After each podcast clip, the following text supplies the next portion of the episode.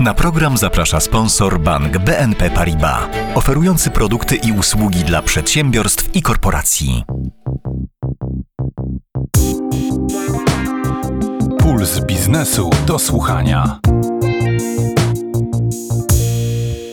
Dzień dobry, Małgorzata Grzegorczyk, to jest Puls biznesu do słuchania. W ubiegłym roku mieliśmy małe trzęsienie ziemi w kodeksie pracy. W życie weszły m.in. przepisy o pracy zdalnej i unijna dyrektywa Work-Life Balance. Co się zmieniło, jak to wpłynęło na rynek, z czym pracodawcy i pracownicy mają do dziś problemy, a co się jeszcze zmieni, a co powinno się zmienić, o tym porozmawiam z moimi gośćmi. Zapraszam na podcast Nie widać końca zmian w prawie pracy.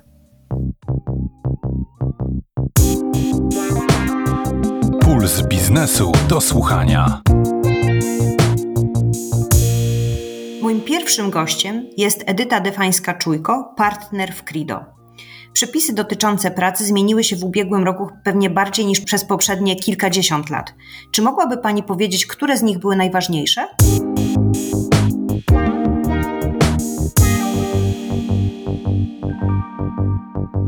2023 był rokiem bardzo intensywnym e, dla pracodawców. Za nami mamy dwie wielkie nowelizacje kodeksu pracy. W końcu doczekaliśmy się uregulowania pracy zdalnej i kontroli trzeźwości, a następnie pracodawcy musieli się odnaleźć w nowych przepisach wprowadzających nowe uprawnienia dla pracowników. Była to tak zwana nowelizacja Work-Life Balance. Skutkowały one następnie również licznymi zmianami rozporządzeń, np. rozporządzenia o dokumentacji pracowniczej czy świadectwie pracy, ale istotną zmianą w 2023 roku jest również zwolnienie pracowników z opłat e, sądowych od pozów, nawet gdy wartość ich rocznie przekracza 50 tysięcy złotych, co w przyszłości może skutkować większą liczbą pozwów pozwów pracowniczych. Zdecydowanie te zmiany wskazałabym jako najważniejsze. A które z nich przysporzyły pracodawcom największych problemów Myślę, że pracodawcom najtrudniej było się wdrożyć we zmiany związane z nowelizacją kodeksu pracy. Niejasne przepisy dotyczące pracy zdalnej w szczególności budziły wiele wątpliwości pracodawców, szczególnie kwestia wypłaty ryczałtu, BHP, na przykład kontroli pracownika na home office, jaki sprzęt powinien być zapewniony, na przykład biurko, krzesło. Obecnie po kilku miesiącach mamy już pierwsze praktyki wykształtowane w tym zakresie, więc pracodawcy nie mają takich wątpliwości, pytań, choć wciąż nadal zastanawiają się, jakie stanowisko ostatecznie będą przyjmowały organy kontrolne, czy to PIP, czy Urząd Skarbowy. Warto tutaj wskazać, że zwłaszcza w okresie wakacyjnym wciąż wiele pracodawców no, rozważało możliwienie pracowników pracy zdalnej z zagranicy i ryzyka. Nadal tego rodzaju wątpliwości tutaj się pojawiają. Dużego zaangażowania w ostatnim czasie wymagała też tak zwana nowelizacja work-life balance, a wraz z nią nowe uprawnienia rodzicielskie czy zmiany w umowach na okres próbny. Rewolucją były szczególnie nowe urlopy, takie jak urlop opiekuńczy i zwolnienie z powodu działania siły wyższej. Pracodawcy musieli szczególną uwagę poświęcić wprowadzaniu nowych rozwiązań do swoich aktów wewnątrzzakładowych, niewątpliwie. Na przykład zmiana informacji o podstawowych warunkach zatrudnienia czy regulaminach pracy i dostosowaniu do, do dotychczasowej praktyki. Pracodawcy pewnie musieli wdrożyć te zmiany i są ich świadomi, a myśli Pani, że pracownicy do nich dotarło, jak się zmieniły ich prawa, no bo właściwie wszystkie te przepisy są korzystne dla e, pracowników, prawda? Jak najbardziej. W mojej ocenie nadal istnieją takie obszary, gdzie tej komunikacji było e, w stosunku do pracowników niewiele. E, jeżeli chodzi o takie moje doświadczenia we wdrażaniu, czy to work-life balance, czy pracy zdalnej, to faktycznie klienci podchodzili do tego bardzo skrupulatnie, przygotowali regulaminy, całą komunikację do pracowników, ale zdarzają się też jeszcze takie firmy, które tej pracy nie wykonały. I mimo na przykład, jeżeli chodzi o dyrektywę do, dotyczącą work-life balance, nie mamy takiego obowiązku, poza niektórymi e, kwestiami poinformowania pracowników, to, to w mojej ocenie należałoby jeszcze ten, tą kwestię zagospodarować w firmach. A czy myśli Pani, że są pracownicy, którzy sobie nie zdają sprawy z tego, że właśnie przysługują jakieś dodatkowe dni, że mogliby poprosić o pracę zdalną, okazjonalną? Czy są takie osoby? W mojej ocenie nadal są, ale nie jest to zbyt liczny procent, tym bardziej jeżeli chodzi o takie moje doświadczenie, raczej pracownicy są w tym zakresie świadomi.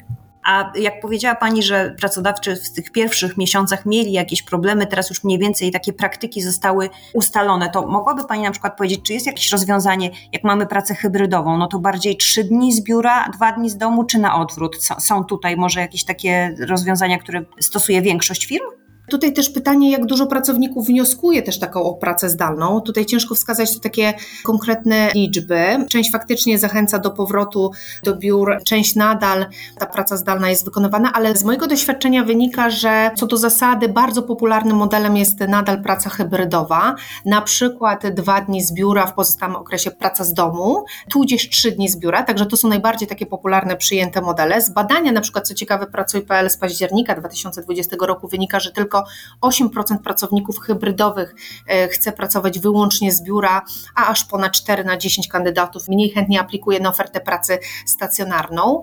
Inne podejście mają przedsiębiorcy, jednak przedsiębiorcy, co pokazują na przykład ostateczne decyzje o powrocie do biur takich gigantów korporacyjnych jak Meta czy Google. Obserwuje się też trend, że wiele pracodawców stara się zachęcać pracowników do powrotu do biur, na przykład oferując benefit w postaci finansowania posiłków wykonującym pracę z biura, aczkolwiek w mojej ocenie nawet taki trend zachęcający powrotu do biur nie oznacza, że ta praca zdalna będzie coraz mniej popularna, bo jednak jeżeli chodzi o takie procesy rekrutacyjne, oczekiwanie jest jednak pracy co najmniej hybrydowej. A jakie zmiany nas jeszcze czekają? Niewątpliwie musimy być przygotowani na zmiany, które przyjdą do nas z poziomu Unii Europejskiej. Do 28 grudnia Polska musi implementować unijne dyrektywy w sprawie kobiet w zarządach. Dodatkowo wciąż toczą się dyskusje nad unijną dyrektywą o minimalnym wynagrodzeniu i uregulowaniem sytuacji osób świadczących pracę za pomocą platform cyfrowych. Co ciekawe, wciąż czekamy na wyjście z impasu legislacyjnego i ustawy o sygnalistach, która również będzie miała duży wpływ na pracodawców i, i pracowników.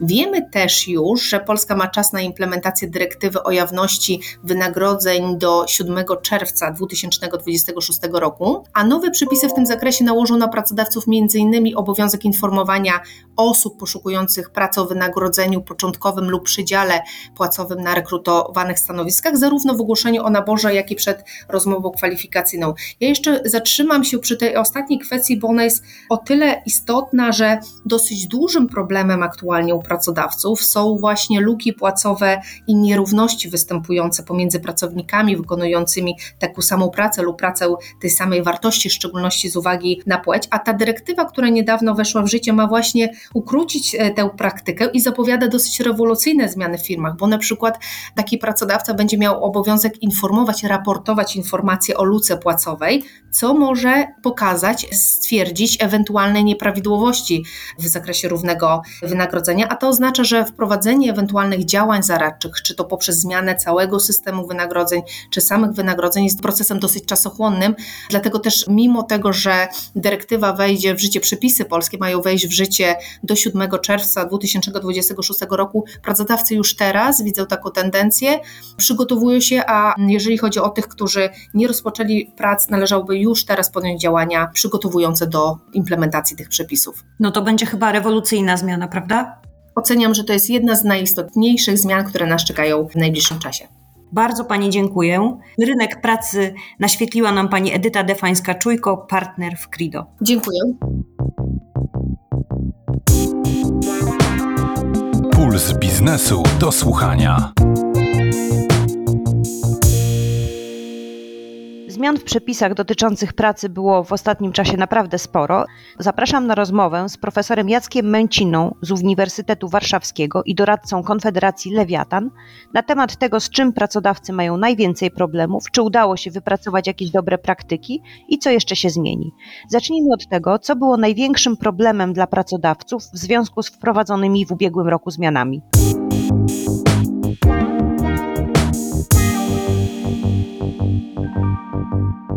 Oczywiście trzeba podkreślić, że rok 2023 był rokiem zmian w prawie pracy. Przypomnijmy, że oprócz e, regulacji płacy minimalnej, która jednak dotyczyła wysokości i to dużej e, płacy minimalnej, bo wzrostu ponad 20%, no, pracodawcy mieli szereg przepisów do zaimplementowania.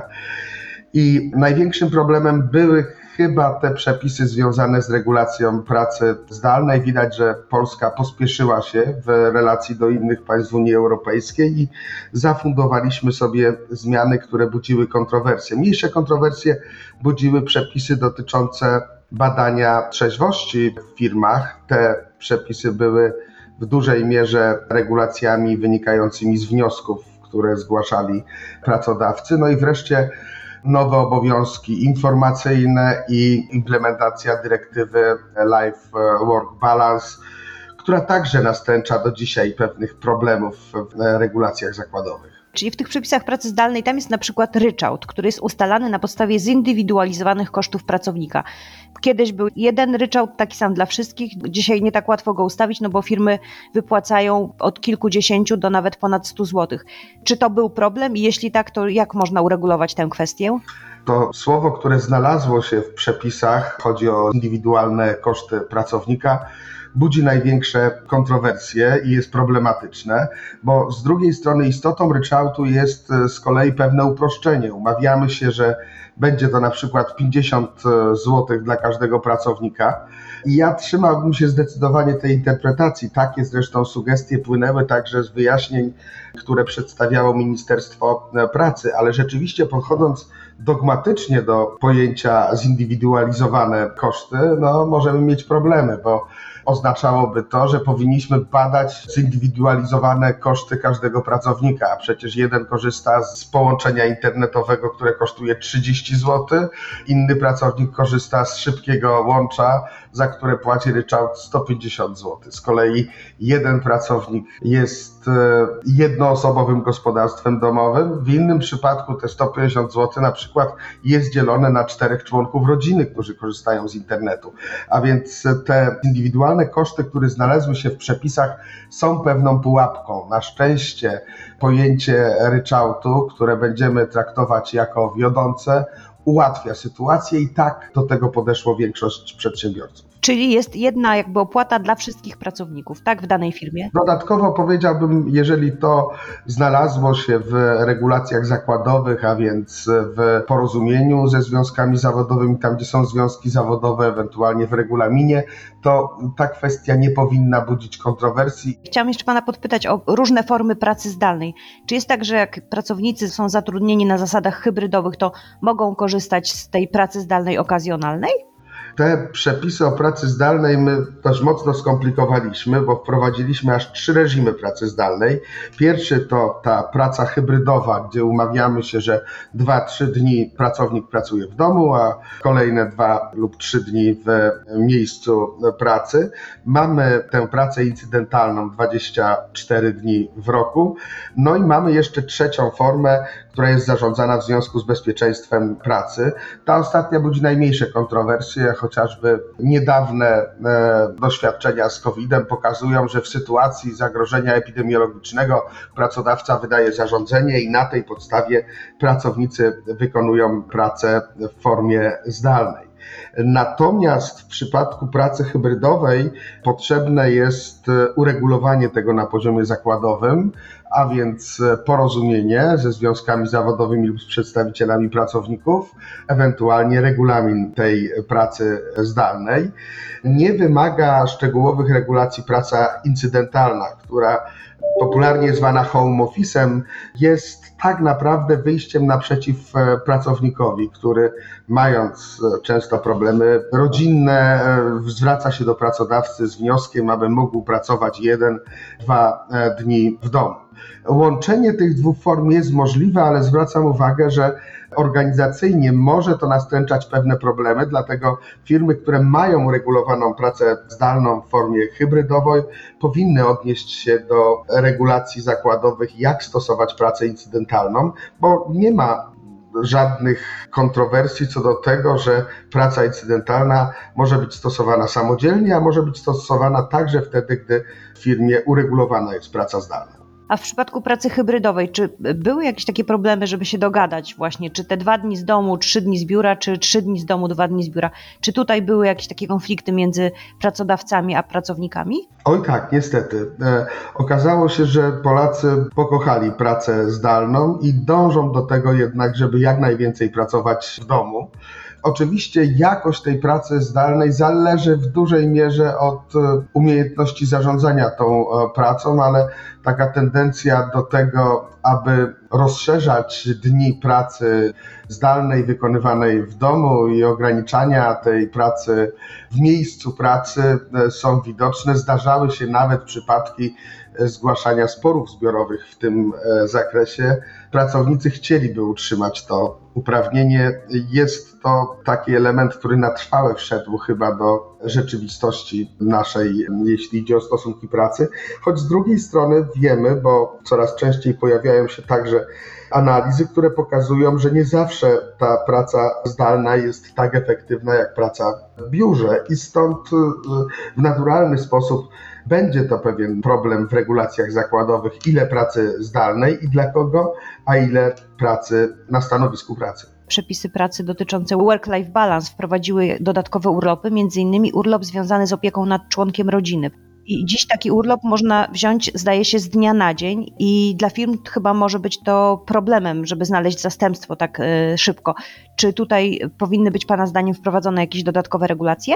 Nie, chcę powiedzieć z całą odpowiedzialnością, że ten urlop związany z opieką nad członkiem rodziny jest co do istoty urlopem planowym, a więc pracownik musi ustalić z pracodawcą termin tego urlopu. Nie może postawić pracodawcy przed faktem dokonanym i powiedzieć, że on musi koniecznie sprawować opiekę, a pracodawca musi mu udzielić tego urlopu. Inny przypadek to ten drugi typ urlopu wprowadzonego tymi przepisami, urlop z powodu siły wyższej. Ten rzeczywiście jest bliski swoim rozwiązaniom, tak zwanemu urlopowi na żądanie i tutaj możliwości no także nadużywania tego przepisu są ewidentne.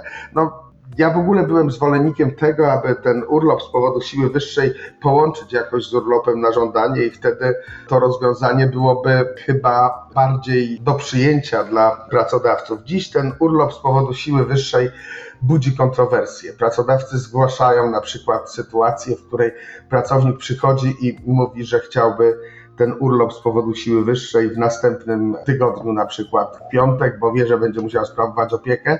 Tymczasem istotą tej siły wyższej jest to, że pracownik no, nie ma takiej wiedzy, jest zaskoczony informacją, że nie wiem, z powodu wypadku współmałżonka, z powodu nagłej choroby musi zostać w domu i nie może wykonywać pracy. I to o takie sytuacje chodzi z powodu tego urlopu ze względu na siłę wyższą. A proszę powiedzieć, jakie jeszcze zmiany w kodeksie pracy nas czekają? Niestety wydawało się, że rok 2023 będzie takim rokiem zmian w prawie pracy, ale tych zmian jest sporo, które nas czekają.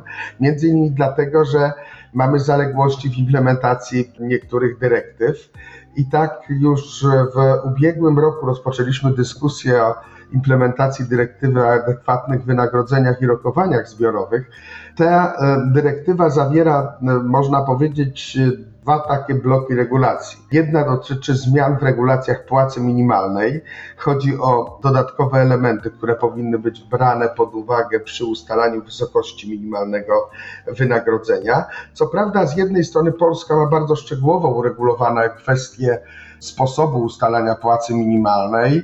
Mamy ustawę o minimalnym wynagrodzeniu oraz ustawę o Radzie Dialogu Społecznego, które łącznie regulują zasady ustalania tej płacy minimalnej. W skrócie mówiąc, na podstawie wskaźników makroekonomicznych ustalany jest wskaźnik wzrostu, który generalnie dotyczy planowanej inflacji oraz planowanego PKB i ten wskaźnik jest docelowo takim wskaźnikiem wzrostu minimalnego wynagrodzenia, choć nasze przepisy są dość skomplikowane i każą nam badać jeszcze tę referencyjną wysokość płacy minimalnej, która jeżeli nie przekracza 50% przeciętnego wynagrodzenia, to musi być jeszcze przeliczana. Dodatkowo ostatnie dwa lata i ta wysoka inflacja spowodowały, że e, musieliśmy wprowadzać regulację dwukrotnego wzrostu płacy minimalnej od 1 stycznia i od 1 lipca. Wydaje się, że te ostatnie dwa lata, czyli rok 23 i 24 i dyskusja nad minimalnym wynagrodzeniem pokazały, że powinniśmy zweryfikować ten wskaźnik. On docelowo powinien rzeczywiście zostać mocno zakotwiczony na poziomie 50% przeciętnego wynagrodzenia, uwzględniając i koszty związane z utrzymaniem i wpływ na konkurencyjność gospodarki. Ja chcę tylko powiedzieć, że szczególnie niepokojące na przykład są ostatnie odczyty z rynku pracy, które pokazują, że w grudniu liczba zgłoszonych ofert pracy w gospodarce no jest rekordowo niska, co może być pewnym skutkiem właśnie bardzo wysokiego minimalnego wynagrodzenia, bo przypomnijmy, że w ubiegłym roku to minimalne wynagrodzenie wzrosło o 20%, w tym roku ono wzrasta o 18%. Co jeszcze ma się zmienić oprócz przepisów dotyczących y, płacy minimalnej? I drugi element, który jest związany z tą dyrektywą, to zmiany w regulacjach e, rokowań zbiorowych. I tutaj e, Polska rzeczywiście ma problem. Dyrektywa mówi, że jeżeli porozumienia zbiorowe nie obejmują 80% zatrudnionych, no to wtedy państwa członkowskie muszą podejmować nadzwyczajne działania, aby zwiększyć liczbę zawieranych porozumień zbiorowych. Polski rząd, y, jeszcze ten poprzedni, zaproponował zmiany w dziale 11 kodeksu pracy, czyli w regulacjach układów zbiorowych pracy. Te zmiany w skrócie, bo nie wiadomo jak będzie wyglądała nowa propozycja nowego rządu, ale w skrócie proponowała ona prymat układów zbiorowych zawieranych na czas określony i to jest dobry kierunek ale także odnosiła się do tego, że przepisy przewidywały obowiązek negocjacji układów zbiorowych w każdym zakładzie pracy co trzy lata. Jeżeli w zakładzie nie obowiązuje układ zbiorowy pracy, to już budzi pewne kontrowersje. Ja analizując te przepisy zwracałem uwagę na to, że aby stworzyć tę przestrzeń negocjacyjną, aby pracodawcom opłacało się jak gdyby przystępować do układów zbiorowych pracy, konieczne jest także włączenie do regulacji układów zbiorowych pracy tak zwanych klauzul generalnych, a więc odejście od tej zasady korzystności, że w układach zbiorowych mogą być zawierane tylko regulacje bardziej korzystne od przepisów kodeksowych, ale także dać możliwość szerszych negocjacji, a więc pewnych odstępstw. Na przykład, jeżeli dzisiaj mamy limitowane umowy na czas określony w ten sposób, że mogą być zawierane dwie trzecia z mocy prawa jest umową na czas nieokreślony, to na przykład w zakładzie pracy mogłaby taka klauzula przewidywać, że będzie możliwość zawarcia pięć takich umów na czas określony. Albo inne elementy oczywiście. Ile jest dzisiaj osób objętych układami zbiorowymi? Oj, ten wskaźnik jest bardzo niski ze względu na skomplikowaną formułę rejestracyjną, bo układy ponadzakładowe rejestruje resort pracy, układy zakładowe okręgowe inspektoraty pracy. Ja twierdzę, że ten poziom objęcia mm, regulacjami układowymi jest nie większy niż 3-4% więc jest bardzo niski, ale też chcę powiedzieć, że my mamy bardzo taką dogmatyczną definicję porozumienia zbiorowego i uważam, że jest to dalece niesprawiedliwe, bo porozumieniem zbiorowym są nie tylko układy zbiorowe pracy, ale to są corocznie zawierane w większości zakładów pracy porozumienia płacowe. To są także porozumienia zawierane po zakończeniu sporu zbiorowego. I gdyby zmienić tę definicję porozumienia zbiorowego, to okazałoby się pewnie, że no, w sposób skokowy liczba pracowników objętych porozumieniami zbiorowymi skoczy nam do 40-50%, a prace nad układami zbiorowymi pracy wymagają jeszcze bardzo wielu konsultacji, tak aby znowu nie były to martwe przepisy, z których pracodawcy nie będą mieli motywacji, aby korzystać. Więc no, to jest duże wyzwanie, takie i regulacyjne, ale i konsultacyjne, no bo te przepisy dobrze działają wtedy, gdy są dobrze skonsultowane, gdy wszystkie strony wypowiedzą się i nie będą to przepisy, które narzucać będą nam regulacje rzeczywistości. Jasne, czyli czeka nas dużo pracy nad kodeksem pracy. Tak, ale chcę powiedzieć jeszcze o jednej zmianie, która jest bardzo istotna. Mi ona szczególnie leży na sercu, także dlatego, że jestem współautorem wspólnie z Konfederacją Lewiatan i Kongresem Kobiet regulacji dotyczącej równości płac kobiet i mężczyzn. My wystąpiliśmy z tym projektem kilka lat temu, natomiast od ubiegłego roku obowiązuje nas już dyrektywa, a więc mamy obowiązek implementacji tych przepisów. Chodzi o badanie luki płacowej kobiet i mężczyzn w zakładach pracy. I w skrócie chodzi o stworzenie powszechnego mechanizmu, który nakładał będzie na pracodawców obowiązek badania tej luki płacowej przez porównanie płac kobiet i mężczyzn w poszczególnych grupach zawodowych. No i przy występowaniu różnic zakład pracy będzie musiał wprowadzić działania naprawcze, będzie miał nowe obowiązki nie tylko liczenia tej luki, ale obowiązki sprawozdawcze. Dyrektywa zakłada, że ten obowiązek w pierwszym rzędzie, czyli od 2026 roku bodajże, ma dotyczyć firm największych, zatrudniających powyżej 250 pracowników. Później te zapisy dotyczyć będą firm średnich, zatrudniających powyżej 100 pracowników. Po pierwsze, samo uregulowanie metodologii badania e, luki płacowej będą dość istotne. One wpłyną na zasady i co tu dużo mówić, także kosztów funkcjonowania firm, bo to będą nowe obowiązki informacyjne i sprawozdawcze. I ważne jest po pierwsze zapewnienie długiego vacatio legis, a więc za te regulacje trzeba się wziąć niezwłocznie. No i także istotne będzie rozstrzygnięcie, czy pójdziemy tak, jak to sugeruje dyrektywa, implementacją tych przepisów w celu no, takiego miękkiego skłaniania firm do tego, aby badały tę lukę płacową i podejmowały działania niwelujące te różnice, no, czy też pójdziemy w karanie zakładów pracy, które nie będą podejmowały takich działań w celu zapewnienia równości płac. A więc te przepisy też będą istotne. Ja tylko przypomnę, że ten projekt, którego jestem współautorem, on zakładał taką miękką formę implementacji, a więc przede wszystkim no, dość szybkie wprowadzenie tych obowiązków informacyjnych, ale jednocześnie koncentrowanie się na tym, aby firma miała obowiązek zaplanowania tych prac naprawczych. No i, i, myślę, że to jest dobry pierwszy krok w kierunku tego, aby tę zasadę równości płac, która jest bardzo istotna i potrzebna polskich warunkach, bo ona także oddziałuje na motywowanie kobiet do tego, aby pozostawały na rynku pracy, aby chętniej łączyły obowiązki rodzinne z zawodowymi, ale implementacja tych przepisów, jak każdy nowy obowiązek, no wymaga i odpowiedniego vacatio legis i odpowiedniego przygotowania. Dlatego jak najwcześniej należy się zabrać za tę dyrektywę. Bardzo panu dziękuję. To bardzo ciekawe, co nas czeka, co nas spotkało. Naszym gościem był profesor Jacek Męcina z Uniwersytetu Warszawskiego i doradca Konfederacji Lewiatan. Dziękuję za rozmowę. Dziękuję bardzo. Puls biznesu do słuchania.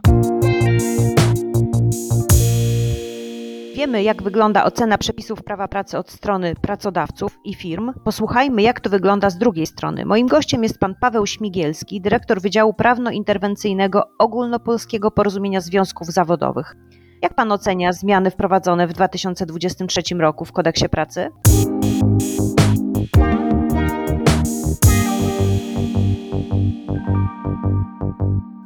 Rok 2023 to jest rok rewolucyjnych zmian w kodeksie pracy. Ja nie pamiętam, żeby w tak krótkim czasie tak wiele zmian do kodeksu pracy weszło w życie. Ja oceniam je bardzo dobrze, bardzo pozytywnie. Oczywiście te zmiany są pozytywne zarówno i dla pracowników, jak i dla pracodawców. Proszę spojrzeć w pierwszej kolejności na przykład na te przepisy, które weszły w życie w lutym ubiegłego roku. Myślę tutaj o kontroli trzeźwości pracowników w zakładzie pracy. Przecież to są przepisy, które naprawdę z korzyścią działają na wszystkie strony stosunku pracy, dlatego że wcześniej było bardzo dużo wątpliwości interpretacyjnych, jak ta kontrola trzeźwości w zakładzie pracy ma wyglądać. Następnie chciałbym przypomnieć o innych dobrych przepisach, a mianowicie o przepisach dotyczących pracy zdalnej, które uchyliły dotychczasowe przepisy o telepracy, a także regulacje pracy zdalnej, te szczątkowe regulacje, które były umiejscowione w ustawie covidowej.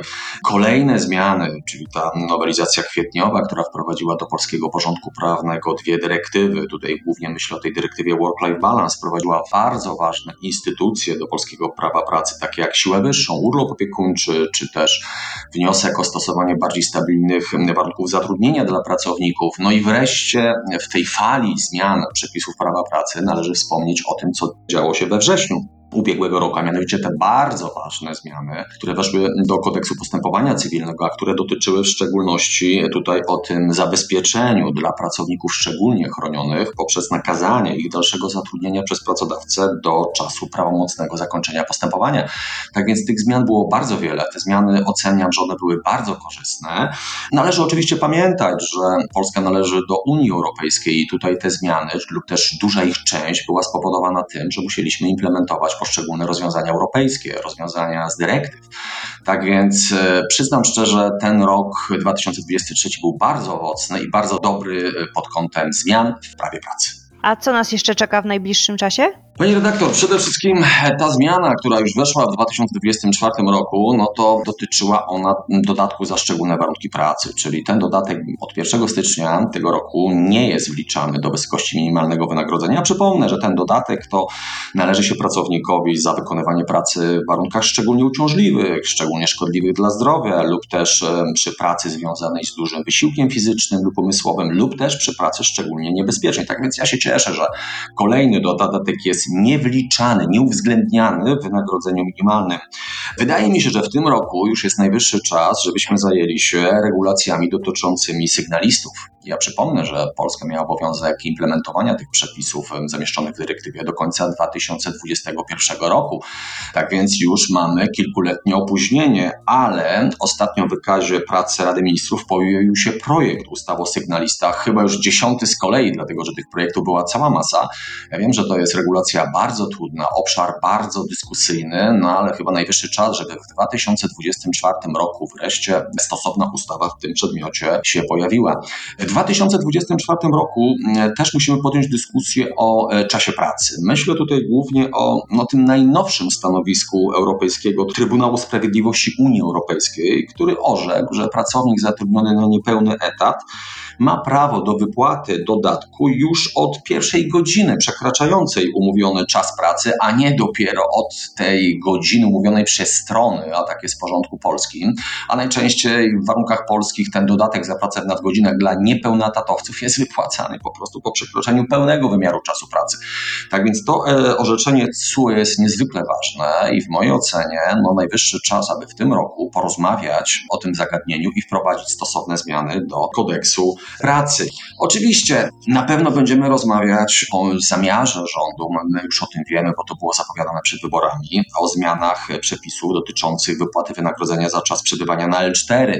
Pojawiły się przecież propozycje rządowe, żeby to ZUS przejął wypłatę chorobowego dla pracowników od pierwszego dnia przebywania na zwolnieniu lekarskim. Tak więc podejrzewam, że w tym roku będą przedłożone stosowne propozycje legislacyjne. Oczywiście to jest dopiero początek roku. Dopiero rząd, ministrowie no, wchodzą prawda, w ten zakres spraw i podejrzewam, że tych jeszcze propozycji legislacyjnych będzie co niemiara. Przypomnę również, że będziemy dyskutować o kwestiach poszczególnych dyrektyw. Myślę tutaj o dyrektywie o równości jawności wynagrodzeń. Prawda? Mamy jeszcze kilka lat na implementację tej dyrektywy, ale podejrzewam, że będą prowadzone już pierwsze prace, żeby te cele wyznaczone czy też przewidziane w dyrektywie wypełniać. Oczywiście pojawi się kwestia sztucznej inteligencji, czy algorytmów w zatrudnieniu. Żyjemy w bardzo nowoczesnych czasach, że tak powiem, gdzie no, to zagadnienie transformacji cyfrowej również przynosi nowe obszary w zatrudnieniu, które wymagają na pewno dyskusji. Tak więc rok 2024 na pewno będzie rokiem pracowitym dużo pracy w kodeksie pracy i Pana zdaniem to jakby idzie w pozytywnym kierunku, czyli sytuacja pracowników się poprawia? Na pewno poprawia się, chociaż e, pani redaktor, no jest jeszcze kilka obszarów, e, które należy zmienić. Ja tutaj wrócę e, do tego tematu, który OPZZ podnosi od lat, a mianowicie no w naszej ocenie do kodeksu pracy trzeba wreszcie wprowadzić jasny i zrozumiały zapis mówiący o prawie do odłączenia się pracownika, czyli prawie do bycia offline. Ja wiem, że są prowadzone prace na poziomie europejskim, ale chyba nie ma co czekać na ich koniec. Po prostu trzeba podjąć takie rozmowy, żeby między innymi w celach informacyjnych taki prosty jasny, krótki zapis w kodeksie pracy się pojawił. Oczywiście ja zgadzam się z niektórymi sprawnikami, którzy mówią, że taką formułę można wywnioskować z przepisów obecnego kodeksu pracy, prawda? Czyli mówiącego o czasie pracy, o czasie odpoczynku, ale w mojej ocenie, również w celach informacyjnych, warto, żeby taki zapis w kodeksie pracy się pojawił. Na pewno trzeba by było porozmawiać o zmianie zasad dotyczących urlopu opiekuńczego, czyli tego urlopu, który dzisiaj jest bezpłatny. Z sygnałów, które my otrzymujemy, wynika, że naprawdę garstka pracowników korzysta z tego urlopu, no właśnie z uwagi na to, że on jest bezpłatny, tak więc no chcielibyśmy porozmawiać i być może chcielibyśmy zmienić ten przepis, nawet w kierunku stuprocentowej odpłatności, tak, żeby on nabrał na popularności, no i a tym samym wypełniał cele przewidziane w dyrektywie Work-Life Balance. No, być może, pani redaktor, jest najwyższy czas, żeby w 2024 porozmawiać sobie o bardzo ważnym postulacie związków zawodowych, a mianowicie o skróceniu tygodniowego wymiaru czasu pracy do 35 godzin. No my jesteśmy W Polsce jesteśmy chyba najbardziej zapracowanym, czy jednym z najbardziej zapracowanych narodów w Europie i na świecie, tak więc warto porozmawiać o skróceniu tego czasu pracy, a być może warto również porozmawiać o wydłużeniu urlopu wypoczynkowego, dlatego że no, jesteśmy przepracowani, a to bardzo negatywnie wpływa na nasz poziom zdrowia. Tak więc wydaje mi się, że tych obszarów, gdzie trzeba porozmawiać, jest, jest co najmniej kilka. Bardzo panu dziękuję za podsumowanie tego, co się wydarzyło i za prognozy, czym jeszcze będziemy się zajmować i co jeszcze trzeba zmienić w kodeksie pracy. Moim gościem był pan Paweł Śmigielski z Ogólnopolskiego Porozumienia Związków Zawodowych. Dziękuję za rozmowę. Bardzo dziękuję.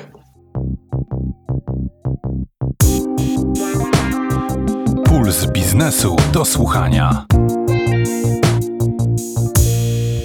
Wszyscy moi goście dotychczasowi powiedzieli, że zmian w prawie pracy było mnóstwo, kolejne nadchodzą. Porozmawiajmy teraz o tym, jak zmieniły się relacje kandydatów do pracy z pracodawcami. Zapraszam na rozmowę panią Martę Drobisz, która jest radcą prawnym i zastępcą kierownika działu prawnego Agencji Pracy Manpower Group Polska. Które zmiany, które już weszły w życie, były pani zdaniem najważniejsze dla rynku pracy?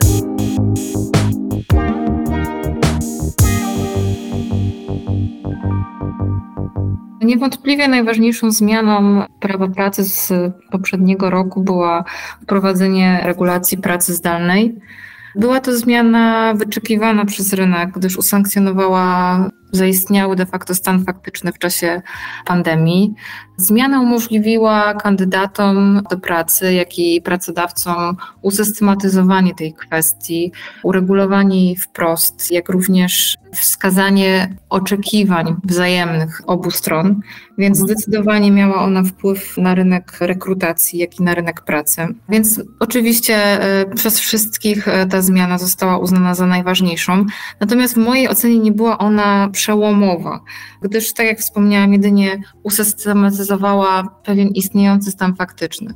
W mojej ocenie i z moich doświadczeń ubiegłorocznych wynika, że jedną z najistotniejszych zmian było wprowadzenie obowiązku podawania przyczyn zakończenia stosunków zawartych na umowie na czas określony. Z tą zmianą w dalszym ciągu działy kadr i pracodawcy się mierzą.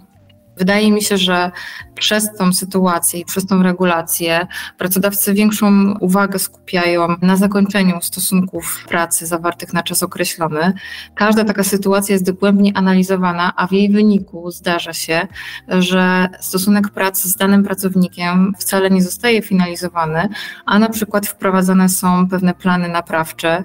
Również powoduje to, że bardzo często pracodawcy dochodzą do wniosku, że przyczyna nie leży wcale po stronie pracownika, a na przykład po stronie pracodawcy, co wiąże się oczywiście z koniecznością wypłaty odprawy przez pracodawcę. I ta zmiana, moim zdaniem, zmienia i będzie zmieniać w przyszłym roku zarówno e, rynek pracy, jak i rynek rekrutacji, a mianowicie dlatego, że pracodawcy będą szukali, już szukają optymalizacji kosztów własnych przedsiębiorstw, a ta zmiana, nowelizacja przepisów w tym zakresie ma na nią ogromny wpływ. W związku z tym obserwujemy, że coraz większą popularnością cieszą się alternatywne sposoby zatrudnienia pracowników, e, takie jak na przykład praca tymczasowa czy outsourcing usług. Ale to oznacza, że spadła liczba umów o pracę na czas określony, które pracodawcy proponują pracownikom? Na chwilę obecną nie, dlatego że to zawsze jest e, rozwiązanie, którym ma miejsce na samym początku współpracy, natomiast e, działy kadr coraz częściej analizują tę sytuację i widzą potencjalne w tym ryzyko. Dlatego, mhm. że nie jest już tak łatwo zakończyć stosunek pracy z pracownikiem, nawet ten zawarty na umowie na czas określony. De facto ta umowa na czas określony została zrównana przez to z umową na czas nieokreślony, w zakresie oczywiście możliwości jej zakończenia.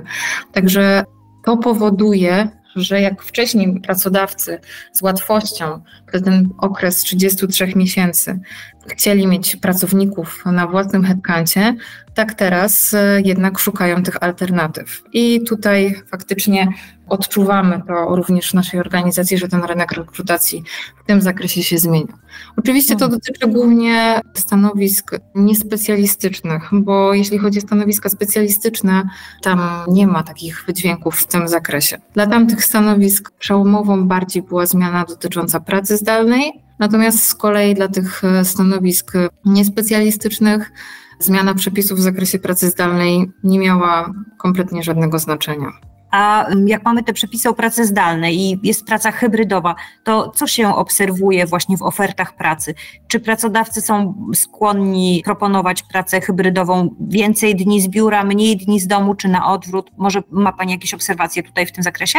W tym zakresie nie mam jakichś e, szczególnych obserwacji, raczej sytuacja pozostaje podobna, jak to miało miejsce przed nowelizacją przepisów. Dla mnie osobiście i dla tych stanowisk wyższych jednak można zaobserwować, że tutaj pracodawcy, którzy wcześniej wahali się, czy w ogóle systematyzować pracę zdalną, czy nie, ta zmiana pozwoliła im jakby to wszystko poukładać. Przestali się może tej pracy zdalnej po prostu bać i dzięki temu sobie to usystematyzowali.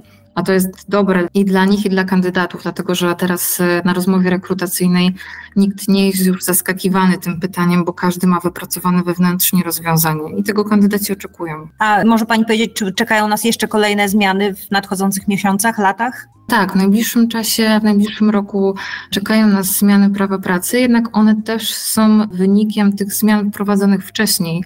Jedynie moment wejścia w życie opóźnił ten czas na, na ten rok. Taką najbardziej w mojej ocenie dotkliwą zmianą dotyczącą prawa pracy to jest zmiana kodeksu postępowania cywilnego w zakresie postępowań prowadzonych e, z zakresu prawa pracy. I chodzi mi tutaj o zmianę przepisu mówiącego o obowiązku posiadania dla pracownika stanowiska pracy w razie prowadzenia sporu o uznanie bezskuteczności wypowiedzenia czy rozwiązania umowy o pracę. To na pewno będzie problem faktyczny dla pracodawców, jak przy obecnych terminach realizacji postępowań sądowych, jak zostawić ten wakat wolny dalej dla tego pracownika. Jeszcze jakichś takich trudnych rzeczy się Pani spodziewa w najbliższym czasie? Wydaje mi się, że te wszystkie pozostałe zmiany, one oczywiście wiążą się ze wzrostem minimalnej kwoty wynagrodzenia i zależnych od tego równych czynników w przepisach. Natomiast jest to pewna zmiana, która zawsze wiąże się ze wzrostem minimalnego wynagrodzenia, więc dla mnie to nie są przełomowe zmiany. Natomiast tutaj poprzednie zmiany, o której wspomniałam, tak, to są po prostu faktyczne problemy nieuregulowane prawnie. Bardzo Pani dziękuję za spojrzenie od strony właśnie prawnej, jak wyglądają y, umowy o pracę, jak wyglądają te relacje między pracownikami a pracodawcami. Naszym gościem była Pani Marta Drobisz, radca prawny i zastępca kierownika działu prawnego w Agencji Pracy Manpower Group. Ślicznie Pani dziękuję za rozmowę. Dziękuję serdecznie. Puls biznesu do słuchania. Głowa może spuchnąć, jak się posłucha, co się jeszcze zmieni w prawie pracy, prawda? Na dodatek już wprowadzone zmiany to wciąż jeszcze dla wielu pole minowe, bo nie wszystko zostało wyjaśnione. Obiecuję trzymać rękę na pulsie i już teraz zapraszam za kilka miesięcy na podcast o tym, co nowego w kodeksie pracy. Na pewno będzie o czym rozmawiać. Tymczasem dziękuję za dziś. Wszystkich naszych podcastów możecie posłuchać w aplikacjach takich jak Spotify czy Apple Podcasts, a także na stronie pb.pl. Za tydzień Mirek Konkel pozwoli Wam trochę odetchnąć od pracy, bo przygotowuje podcast Nowy Rok, Nowa Ja. To znaczy w przypadku Mirka chyba Nowy Rok, Nowy Ja. To będzie podcast o rynku spa i wellness. Dziękuję jeszcze raz za dziś. Małgorzata Grzegorczyk. Do usłyszenia. Puls biznesu do słuchania. Na program zapraszał sponsor bank BNP Paribas, oferujący produkty i usługi dla przedsiębiorstw i korporacji.